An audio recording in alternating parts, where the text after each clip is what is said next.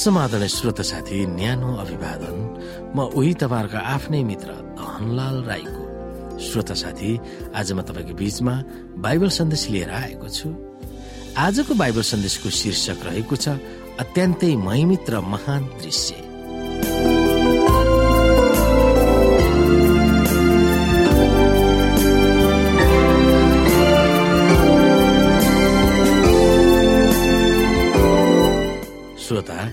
Daniel र प्रकाशका पुस्तकहरू दुई भविष्यवाणीका पुस्तकहरू हुन् जुन हामी सँगसँगै अध्ययन गर्नुपर्छ। दुवैले पृथ्वीको अन्तिम इतिहासका दिनहरूमा हुने विभिन्न घटनाहरू उगार्दछ। इन्साफको समय आयो भनेर प्रकाशको पुस्तकले वर्णन गर्छ भने त्यो इन्साफ कहिलेदेखि सुरु भयो भनेर दानियलको पुस्तकले प्रकट गर्दछ। दानियल साथमा अगमवक्तालाई विश्वको इतिहास परमेश्वरले प्रकट गर्नुहुन्छ। विश्वका राष्ट्रहरूले उदय र पतन हुन्छन्।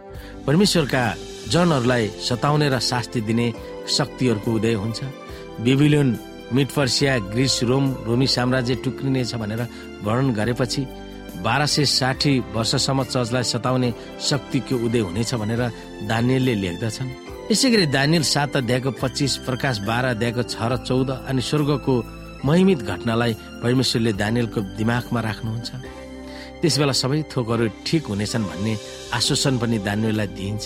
राष्ट्रहरूको उदय र पतन र यस संसारमा दमन गर्ने शक्तिहरूलाई देखाएपछि परमेश्वरले दानियलको ध्यान जगतको सिंहासनको कोठामा लगाउँछ जहाँ परमेश्वरले गर्नुहुने अन्तिम हिंसापछि प्रत्येक गल्तीहरूलाई ठिक ठाउँमा राख्नुहुनेछ र अनन्तको धार्मिकताको राज्य स्थापना गर्नुहुनेछ भन्ने निर्णय दानियललाई महसुस गराउँदछ।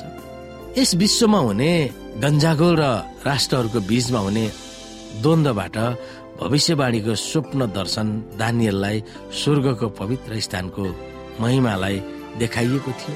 सारा जगतको सर्वोच्च अदालतमा यीशु न्याय गर्न बसिरहनु भएको थियो। यस संसारको आधिकारिक शासक उहाँ नै हुनुहुन्छ। उहाँको प्रभुत्वमा रहेको यस पृथ्वीको राज्य यसुले पाउनेछ भन्ने त्यस दर्शनमा दानियललाई देखाइएको थियो।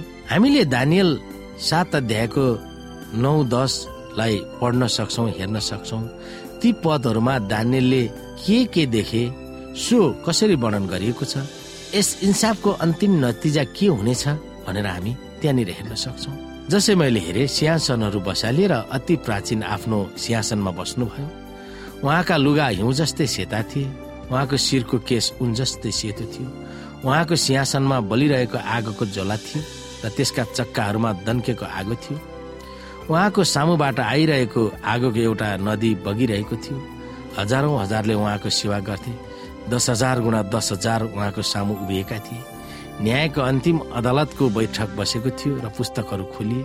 राति मैले मेरो दर्शनमा हेरेँ र त्यहाँ मेरो सामु आकाशका बादलका साथ आइरहनु भएको एकजना मानिसको पुत्र जस्तै हुनुहुन्थ्यो।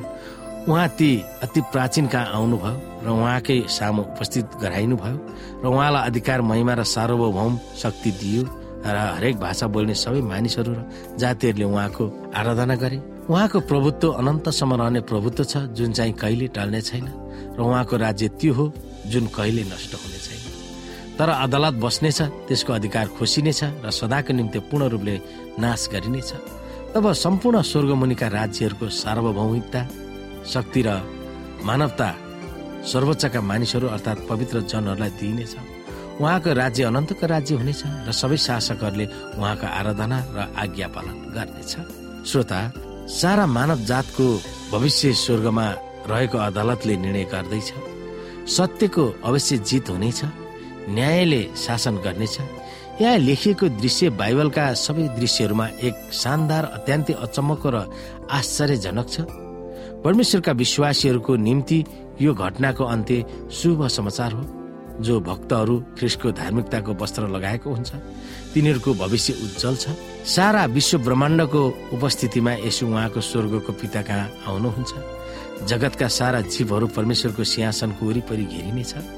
पतित नभएको सारा जगत यस इन्साफको दृश्यलाई अचम्म मानेर श्रद्धापूर्वक हेरिरहेको हुन्छ। हजारौं वर्षसम्म भइरहेको सङ्घर्ष सदाको निम्ति अन्त हुनेछ। जगतको सिंहासनको निम्ति भएको द्वन्द युद्ध सदाको निम्ति निर्णायक भएर पुरै समाप्त हुनेछ। यस पृथ्वीमा भएका एकपछि अर्को साम्राज्यहरूको उदय र पतन भएको दान्यले देखेको दर्शन ठिक थियो। त्यसकारण अनन्तको राज्य कहिले पनि बिति जाने छैन भनेर उल्लेख गरेको परिप्रेक्ष्यमा परमेश्वरको वचनमा भरोसा राख्नु उचित हामी देख्दछौ। ती कुरामा हामी हाम्रो हृदय हाम्रो तन मन लगाउन आवश्यक छ।